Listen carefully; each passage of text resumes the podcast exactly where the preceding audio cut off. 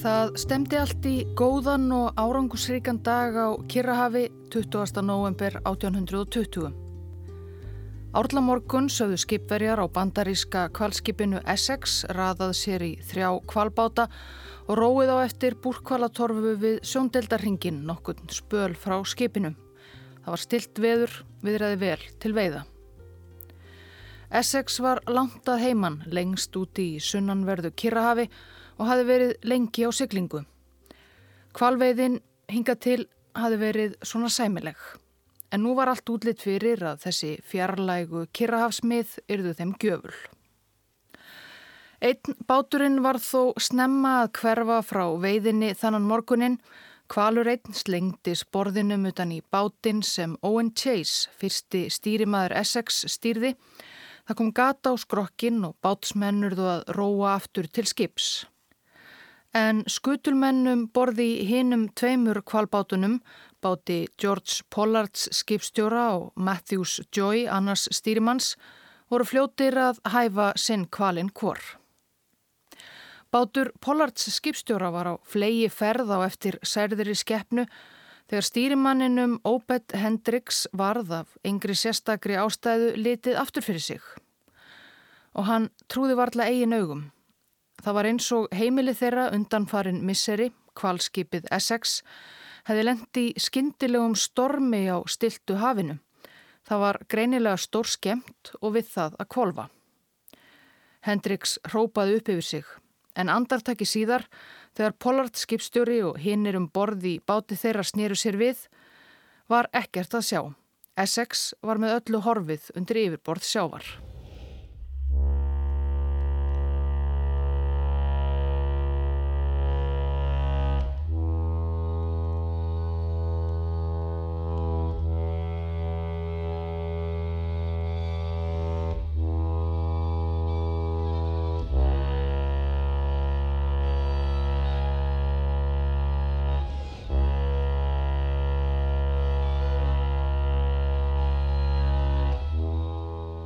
Ágæti hlustandi þetta er annar þáttur um rakvarir kvalskipsins Essex sem lagði úr höfn í kvalveiðileiðungur frá Nantucket eigu úti fyrir ströndu Massachusetts í Bandaríkunum í ágúst 1819 með 21 mann um borð.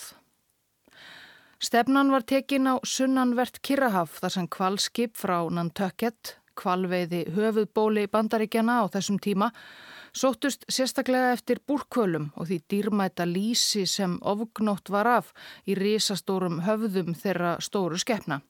Lísið var dýrmætt vara á 19. öld, nota bæði til að lísa upp borgir og bæi í Vesturlanda og smyrja velbúnað. Essex var lítið af kvalskipið að vera á all gamalt, 20 ára, en hafi hingað til reynst gott veiðiskip og gjöfult. Þessi leiðangur undir stjórn óreinds skipstjóra George Pollards 28 ára reyndist þó nokkuð erfiður. Eftir ára á hafi úti hafði Essex orðið fyrir ýmsum skemdum og skipverjar voru einungisbúnir að fylla lestar skipsins til tæplega hálfs af kvalalísi þegar komið var fram í november 1820. Þeir bundu þó miklar vonir við svo kalluð aflandsmið, ný uppgötuðar veiðilendur sem alltalað var meðal kvalveiðimanna frá Nantucket að moruðu hreinlega í búrkvölum. Ástæða þess að kvalskip höfðu ekki veitt við aflandsmiðin fyrir ennum árið 1820 var að þau voru mjög afskekt úti á Rúmsjó í sunnanverðu Kirrahafi meira en 1500 kilometra frá vesturströnd Suður Ameríku. En þangað var Essex sem sé komið 20. november 1820 þegar risavaksinn búrkvalur eins og logandi af heft og hemdarfíst stangaði skipið í tvígang með nýþungu höfðinu svo stort gat kom á skrokk þess, vatn fór að fossa inn og það sökk rétt í því sem sjómaðurinn Obed Hendricks leitt aftur fyrir sig.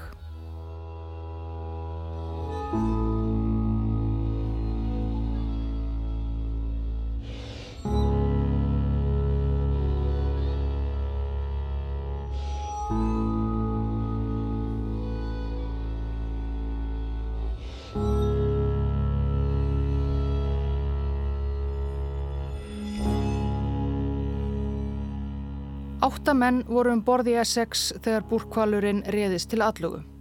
Tveir menn byðu jafnan um borð þegar aðrir skipverjar heldu út á kvalbátana til veiða. Reyndar var gert ráð fyrir þremur um borð í skipinu en einn skipverji hafði strókið nokkru áður, orðið eftir einhver staðar í Tíle og það þótti mikilvægast að full manna kvalbátana hverju sinni. Og svo höfðu sex menn verið á kvalbát Chase Stýrimanns sem hörfaði aftur til skips. Eftir setna högg kvalsins var lítið sem þessir áttamenn gáttu að gert. Skipið sem þeir voru um borði var greinilega alvarlega skemmt. Skrokkurinn var að fyllast af vatni og að sökva ofan í djúpið. Einn af bátsmönnum Owens Chase og einn af sjö svörtum sjómönnum á Essex, William Bond, síndi ótrúlega fyrirhyggju og snerpu, flýtti sér undir þilfar og sótti sjókistur þeirra Chase og Pollards skipstjóra sem og helstu syklingatæki.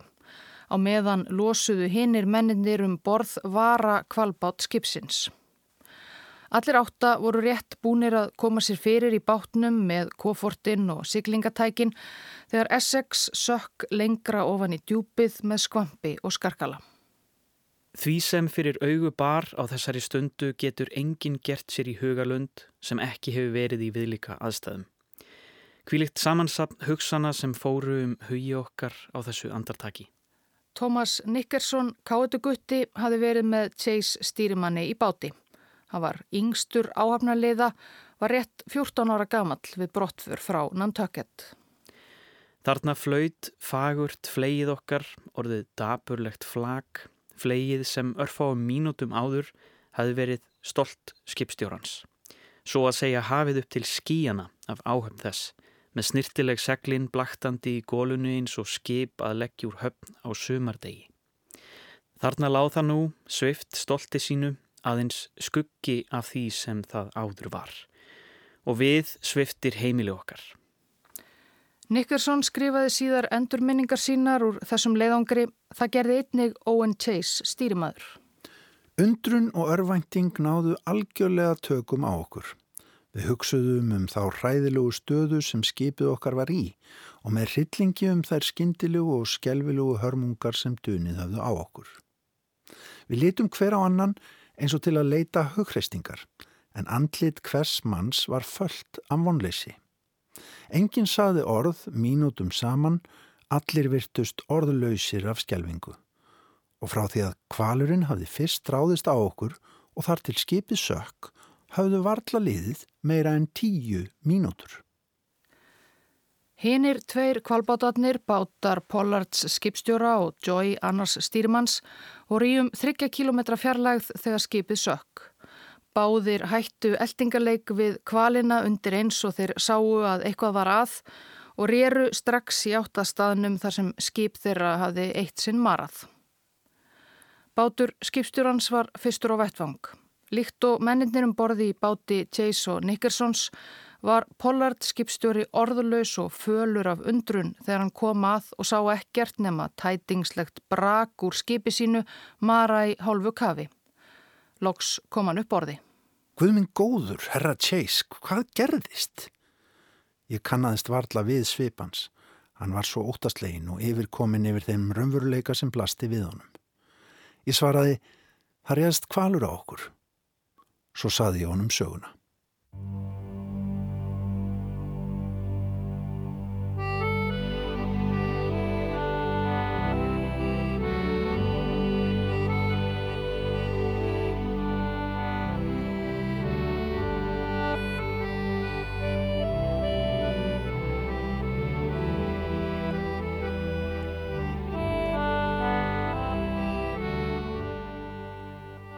Nantucket búar höfðu veitt kvali í stórum stíl síðan á 17. öld í Allands og Kirrahöfum.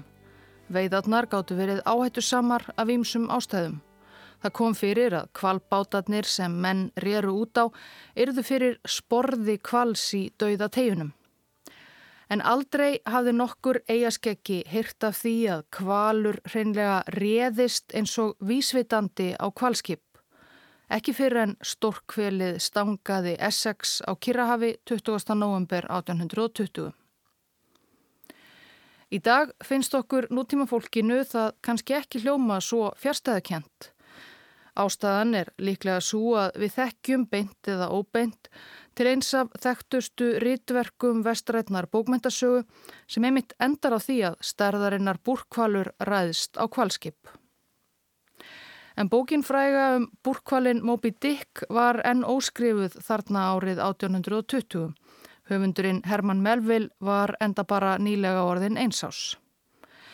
En síðar á æfinni átti Melville raunar eftir að heyra af atburðum þarna úti á Kirrahafi síðla árs 1820 en við heyrum meira af því síðar.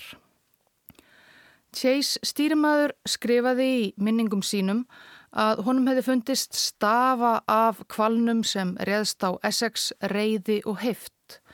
En svo dýrið væri að hefna fyrir tilraunir mannana um borð til að drepa hann og bræður hans og systur kannski hefna fyrir allar og ófáar atlugur mannkins að kvalkinni.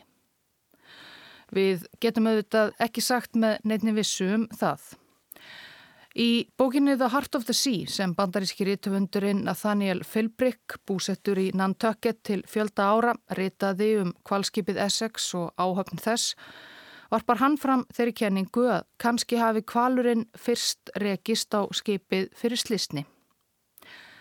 Ellegar að kvalurinn niðri í djúpinu hafi heyrt höggin þegar Hamar Chase stýrimanns barði í laskaðan kvalbátinn sem hann var að gera við á þilfari Essex.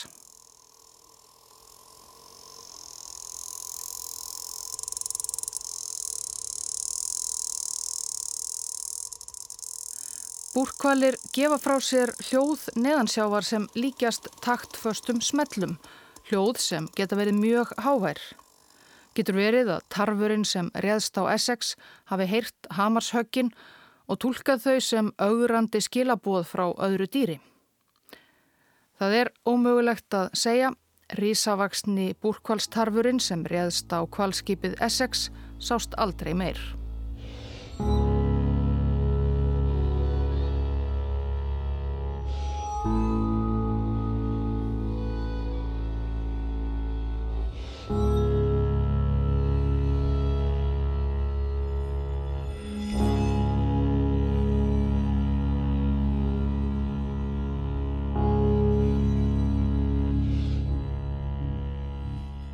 20 skipverjar af kvalskipinu Essex á þremur svona 8 metra löngum árabátum tóku það sem þeir gátu af sökkvandi flaki skipsins, hjúku niður möstur sem enn stóðu upp úr sjónum og kliftu á segl og tóku til handargagns.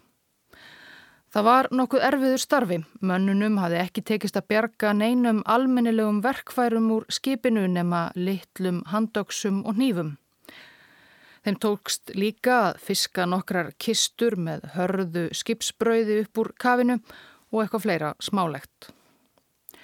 Á meðan menn hans hjökkuðu tók Pollard skipstjóri upp siglingatækin sem einn sjóaranna hafi sínt svo mikla forsjá að bjarga. Samkvæmt útrekningum hans var skipið rétt sunnan miðböks á 119. lengdargráðu vestur eða eitthvað um 4300 kilometra frá ströndu Ekvadors í Suður Ameríku. Það voru raunar mörg þúsund kilometrar í næsta land í hvaða átt sem litið var. Mennirnir voru eiginlega eins langt úti á rúmsjó og hugsast gatt.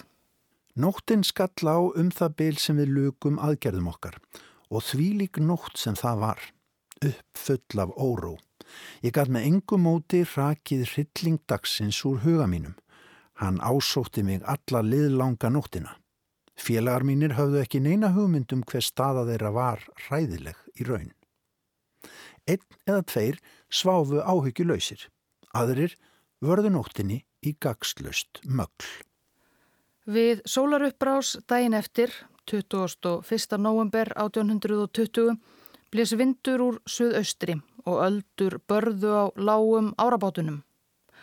Mennir útbyggu lítil möstur á báta sína og skáru niður seglinn af Essex til að þau hefðu bátunum. Neldu planka utan á kinnungana til að styrkja þá. Svona kvalbátar voru ekki gerðir til langra útafsyklinga og heldu áfram að reyna að bjarga einhverju úr braki skipsins með litlum árangri. Það var hvortið er ekki mikið sem þeir gáttu hlaðið í smágerða árabátana. Það lipnaði örlitið yfir mönnunum þegar þeir gáttu tekið til hendinni og glemt um stundarsakir raunveruleika sínum, skipslausir og ráðalausir lengst á hafi úti. En þegar dagsverkunum lauk og myrkur ferðist yfir á nýjanleik kom vonleysið. Við fólum okkur annari hryllilegri stormasamri nótt á hönd. Vindurinn helt áfram að blása. Þegar rökkrið nálgæðist urðum við allir orð og vonlausir. Margir hafðu sínt talsverðan röskleika yfir daginn, nú greip þá skyndilegt þunglindi og hörmuleg staða þeirra ofinberaðist þeim af því líku afli að þeir mistu allt þrekk.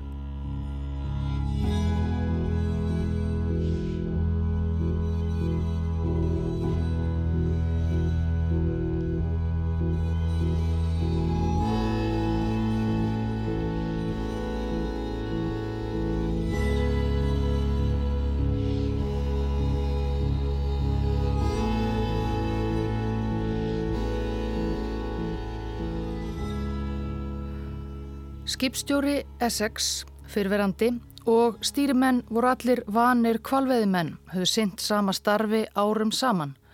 En þetta var í fyrsta sinn sem nokkur þeirra hafi silt svo langt frá ströndu á Kirrahafi.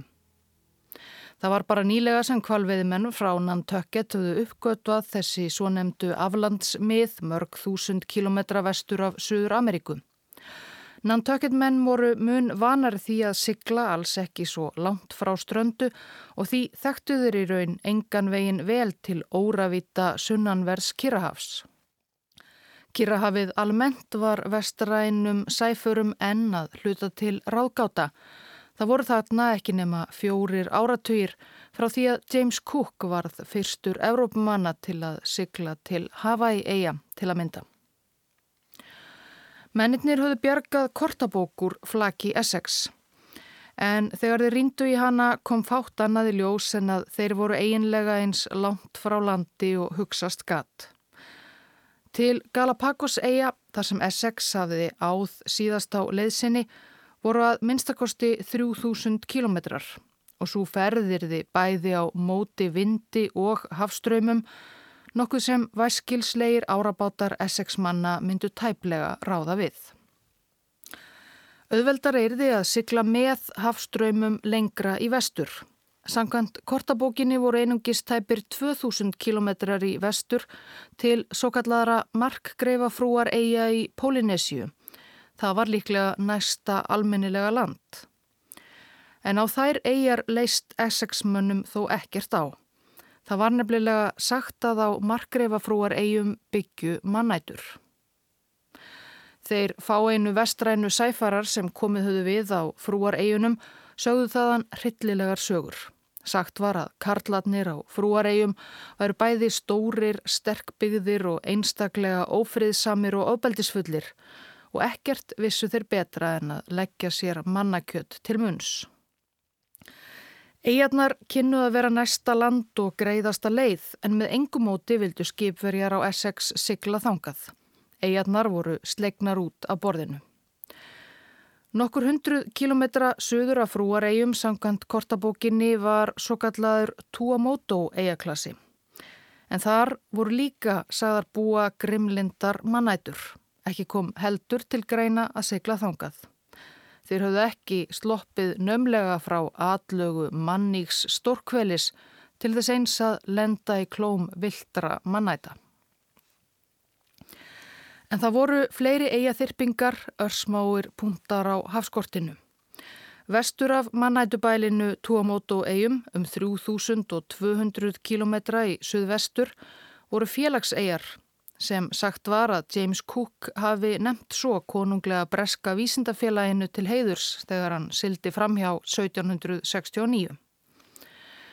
Þó félagssegar væru Suður Kirrahafsegar margt áþekkar frúaregjum og Tuamoto fór ekki það orð af félagseigaskekkjum að þeir legðu sér mannakjött til munns. Ekki alltjent þekkti Pollard skipstjóri Essex til þess. En eins og stýrimenn hans, Owen Chase og Matthew Joy bentu á þar sem þeir rindu allir þrýr í kortabókina, vissu þeir þó lítið sem ekkert um félagsæjar og íbúa þeirra. Bjóð þar fólk yfir leitt, fólk eða skeppnur. Owen Chase Ef eigarnar væru í byggð voru þar eflaust eintómir villimenn sem við þyrtum jafn mikið að óttast og náttúruöflin og dauðan sjálfan. Betra að hætta ekki á neitt. Stýrimennir tveir töldu örugast að forðast Kirrahafsegjar með öllu. Frekar að reyna að snúa aftur til siðmenningarinnar sem þeir höfðu yfirgefið mörgum mánuðum áður á vesturströnd Suður Ameríku.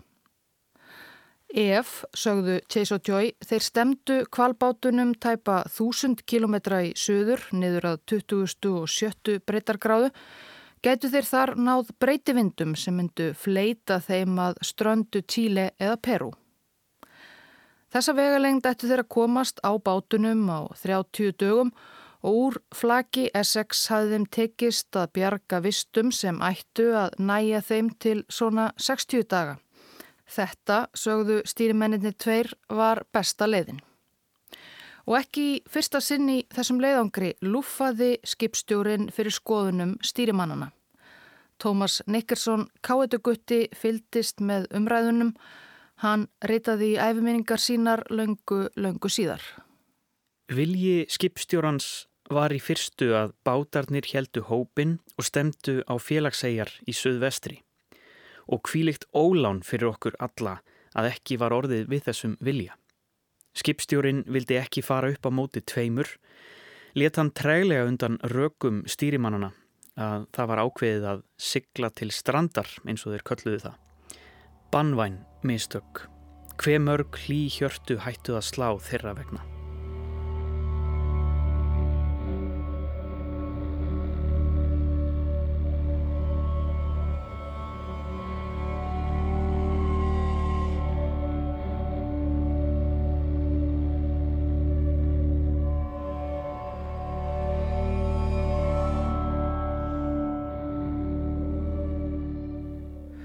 Það var eiginlega átakanlegt hversu ítla kvalveið mennan tökett þekktu til Kirrahafsins sem þeir plægðu. Essex menn höfðu allavega greinilega ekki lesið nýlegar frásagnir í bandarískum dagblöðum af sjómunum kaupskipa sem voru farin að koma við á markreifafrúar eigum á leiðinni úr verslunarleiðungrum til Kína og hafðu fundið þar mesta friðsældar fólk sem ekkert virtist gyrnast hold þeirra og þeir virðast ekki hafa áttað sig á því að til félagseiga flokkast ein af þekktustu eigum sunnanvers Kirrahafs, Tahiti. Þar höfðu evróskir sæfarar oft haft viðkomu án teljandi stórslisa, þvert á móti. Eigaskeggjar voru frekar þekktir fyrir gleðskap og gjálífi en grymt. Skipverjarnir á breska kaupskipinu Bounty voru svo ánæðir með dvöl sína á Tahiti 1789, seldar lífið á eigunni, að þeir gerðu uppreist til að þurfa ekki aftur til grámiklulegs Bretlands. Það voru svo meira en tveir áratýr síðan enskir trúbóðar komið sér fyrir á Tahiti og byggðu Guðshús og þeir voru þarna komnir langt með að kristna alla eigaskeggja en skipverjar á Essex ætluðu að sigla ræfilslegum kvalbátum sínum aftur til strandar Suður Ameríku.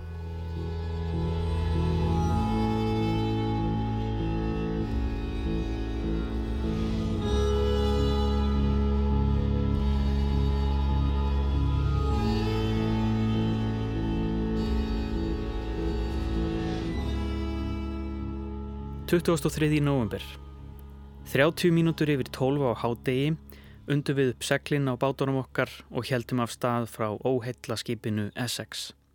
Nú í fyrsta sinn blöstu hryllilegar aðstæðunar við okkur.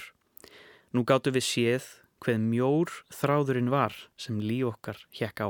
Mér hefur oft þótt síðan að það hafi verið eftir á að higgja veikleiki og glópska að horfa á splundrað og sokkið skipið okkar með svo mikill í hrypningu og eftirsjá. En það veriðist sem að með kvarfið þess hyrfi öll okkar von. Eftir nokkura klukkustunda siglingu í suður var það litla sem eftir var af Essex alveg horfið sjónum.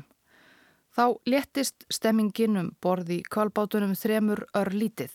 Þeir voru jú búnir að taka ákvörðun um framhaldið og nú var ekkert að gera nema halda áfram. Það voru sjö mennum borði tveimur bátana, sex í þeim þriðja, báti Chase fyrsta stýrimanns, þar sá var verst farin af bátskriblunum þremur. Þeir settu vaktir, nokkrir sáu um siglinguna og meðan hinnir nýbruðu sig saman í rökum botni bátsins og reyndu að sofa. Bátarnir voru þungir, drekk hlaðnir, vindurinn blés og sjórin var úvinn. Einn vaktmaður var stöðugt að auðsa sjó upp úr bátnum. Þeir urðu að reyna að halda hópin bátarnir þrýr. Bara Pollard skipstjóri og Chase stýrimaður höfðu áttavita og kvadrandi í sínum bátum. Viltist sá þriði, bátur Joyce Annars stýrimanns, af leið væri ítla fyrir honum komið. Mennirnir höfðu líka, eins og Chase skrifaði í æfiminningar sínar, talsverða huggun af nærveru hvers annars. Allir vonuðist þeir til þess að þurfa ekki að sigla alla löngu leiðina til strandar Suður Ameríku. Þeir voru enn ekki langt undan aflandsmiðunum, rómuðum meðal kvalveðimanna Nantucket. Þeir hlitu eitt daginn að rekast á annað kvalskip á siglingu. En þeir gáttu ekki stólað á neitt og því heldu þeir áfram í Suður.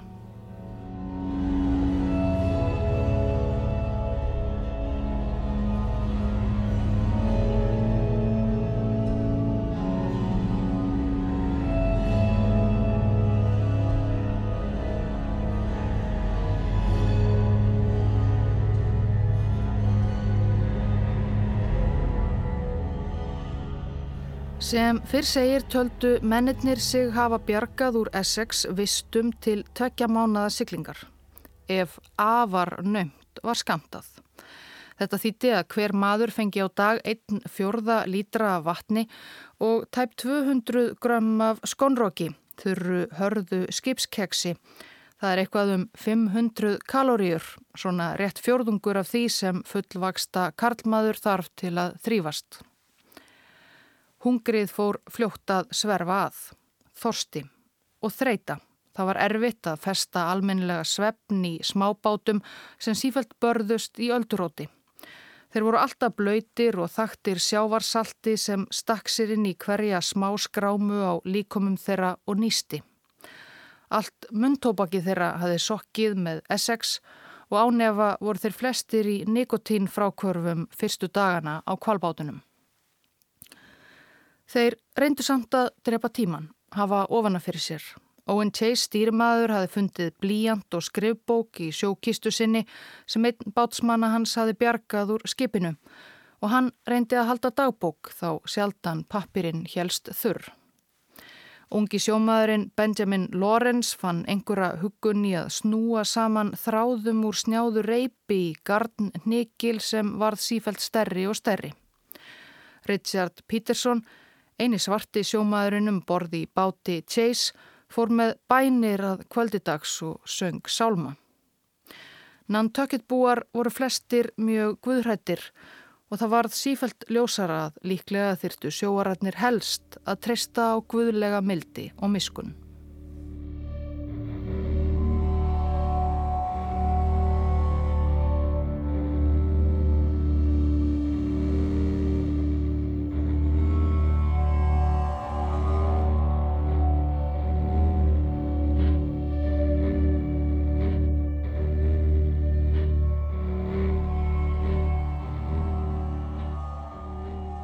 29. november. Við mjögumst enn hægt í söður en háar öldur valda bátunum erfileikum. Okkar eigin bátur er sérstaklega gamall og hörlegur og það brakar í öllum skroknum. Væru við heima myndi ég varla treysta mér í tíu mílna siglingu í þessu bát skribli. Heima, sagði ég það. Já, heima. Getur verið að svona vesalingar eins og við eigum heimili.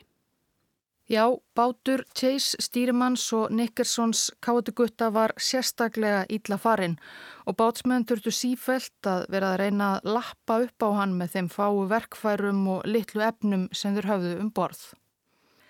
En eftir nokkura daga siglingu í suður var líka farið að braka óþægilega í hinnum bátunum. Þetta voru ekki flei smíðuð fyrir slíkar marathónsiglingar. 30. november Tíu dögum eftir að kvalurinn réðist á Essex voru áhafnarliðar komnir á talsvert lignari sjó. Nísu Torfa hafði synt fram hjá báti Chase og Nickersons eins og til að stríða þeim. Þeim gekk ekkit að fanga skeppnurnar eða sannfæra um að stökka um borði bátinn til þeirra. Þeir hafðu ekkert borðað nema örlítið hartbrauð í tíu daga. Sjór hafi fyrir löngu gusast yfir og gegn bleitt stóran hluta vistana og mennirnir áttuðu sig varla á því sjálfur en brimsalt brauðið þurkaði þá upp meira en naumur dagskamtur þeirra vatni gætt bjargað. Mönnunum hafði reyndar tekist að bjarga úr skipinu nokkrum risaskjaldbökum sem þeir höfðu fangað á Galapagos og og á þessum tíundadegi ákvað Chase stýrimaður að tími væri komin til að slátra annari af tveimur skjaldbökum þeirra. Ég þarf vart að taka fram að hugmyndinni var fagnað af miklum ákafa. Nýstandi hungrið nagaði maga okkar og við byðum í ofvæni eftir að fá að sjúa hlýtt flæðandi blóð skefnunar. Þeir okkar sem tristu sér til að drekka það. Við elduðum það sem eftir var innmat og allt og nutum þessarar nær ósegjanlega fínu máltíðar. Desember gekk í garð á söður Kirrahafi. Ferð kvalbátana þryggja í söður hafi gengið samkvæmt áætlun hinga til samkvæmt mælingum skipstjórans, hvers skip láreindar brotið á hafsbótni. Þáum mánaðamótin var fylkingin komin nálægt 8. breytargráðu söður, hafi silt næri 800 kilometra á tíu dögum. Þeir höfðu ekki séð eitt einasta kvalskip eða annað skip, sá ekkert nema hafa breyðuna í allar áttir en lefðu sér þó þarna að vera örlítið bjart sínir á að þeir næðu á endanum landi. Þeir heldu áfram. Auðsá úr bátunum, ditta að, naga skonrok, byggjast fyrir. Það var ekki mikið að hripa niður í dagbók, dagarnir voru svo tilbreytingalitlir. 9. desember áætlaði Pollard skipstjóri að þeir var komnir á 17. breytargráðu söður 40. mínútu. Þeir höfðu þá silt vel 2000 kilometra í söður, ein mitt eins og stýrimennir tveir höfðu séð fyrir sér. Með mælingatækjum sínum gatt skipstjórin auðveldlega áætlað breytargráðu en hann hafði ekki þau flóknari tæki sem til þurfti til að reikna át lengdargráðu. Það kom því ekki fram í mælingunum að um leið og bátalestin sildi í söður höfðu vindar blásið þeim í vestur. Þeir voru því eftir þryggja veikna siglingu í raun og veru komnir enn lengra frá ströndum Suður Ameríku en þeir höfðu verið í upphafi ferðar. Á 17. breytargráðu Suður 40. mínútu liggur einmitt félagsegjan Tahiti. Samkvæmt útreikningum okkar voru félagsæjar beint á hliðborða og ekki í meira en þúsund kílometra fjarlægð. Það blés rösklegur staðvindur úr söð-austri og hefði geta komið okkur þangað öruglega á 5 eða 6 dögum í mestalagi og hver maður við góða heilsu. Ég ímynda mér að nú vakni spurningin hvers vegna sildu þið ekki þangað í stað þess að reyna við hættulega sjóferð að fjarlægum ströndum Chile sem hver skinsamur maður sér að sé ómöguleg á svo hrörlegum óhaffærum bátum.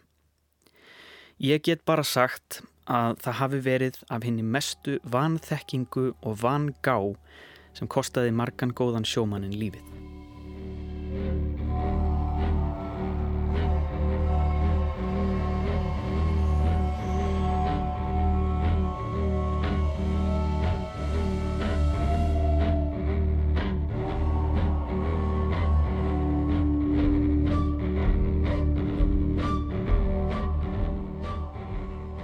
Áfram, lengra. Degi síðar, 10. desember, stökk torfa af flugfiskum í kringum kvalbátana þrjá. Fjórir fiskar rákust á seglið á báti Chase stýrimanns og lendu í botni bátsins. Chase greip einn fiskinn strax og át á augabræði með róði og öllum. Hann hló svo meðan bátsmenn hans kýttu um hina þrjá.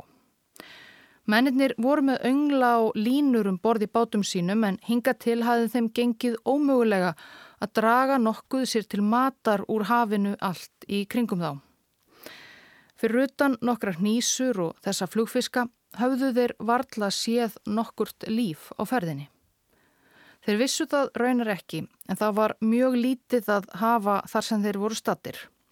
Essex-liðar voru komnir langt út í eitt líflausasta svæði Kirrahafs þar sem varla sáust fiskar nýja fugglar á flögi. Eyði svæðið átti einn bandarískur hafræðingur eftir að kalla það nokkrum áratugum síðar. Það hreyfiði varla vind heldur dögum saman. Það var heitt og sólinn skein stöðugt, mennirnir höfðu ekkert skjólum borði í bátunum og voru að brenna upp að utan sem innan.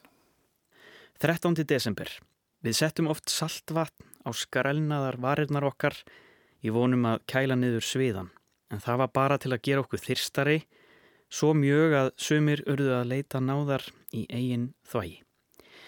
Það er næstum ótrúlegt hver við þjáðumst þessa heitu daga og hjarta mínu blæðir bara við það að segja frá því. 15. desember voru þeir komnir á 20. og 1. breytargráðu suður en hafðu lítið hreifst síðustu daga.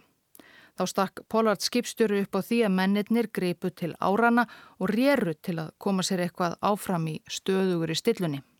Það gekk ekki vel. Þeir voru allir orðnir mjög veikburða og svo grind hóraði þeir að þá verkjaði strax í setbeinin að setjast við áratnar. Þeir endust í þrjá tíma áður en þeir gáfust upp hver einn og einasti.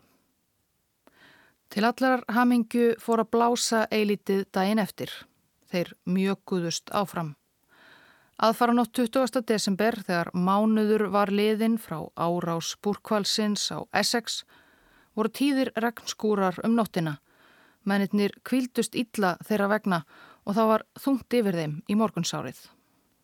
Klukkan sjö þennan morgun þegar við sátum í botni litla bátsins okkar, hryggir og hljóðir stóð einn félaga okkar að nafni William Wright upp til að tegja úr fótonum. Hann leiti yfir sjóndeldarhingin og rópaði skindilega yfir sig Þannig land! Við stukkum allir strax upp, litum á hleborða og sáum skýrt að það voru yngar hillingar heldur raunverulegt land eins og hann sagði. Allir virtust umsvefa laust, fyllast nýjum lífsmóði. Aldrei hafa nokkur augu litið fegur í sjón. Það byrtist í fyrstu sem kvít strandlingja, eins og sólböðuð paradís fyrir laungunar fullum augum okkar. Hinnir bátarnir sá landið á nær sömu stundu og kviða af gleði og fögnuði fór um okkur alla. Þeim sem hlustar á þessa sögu er með öllu ógerlegt að gera sér í hugarlund þær tilfinningar sem bærðust í hjörtum okkar á þessari stundu. Árabátarnir þrýr af kvalskipinu Essex frá Nantucket tóku stefnuna á landið við sjóndeldarhingin.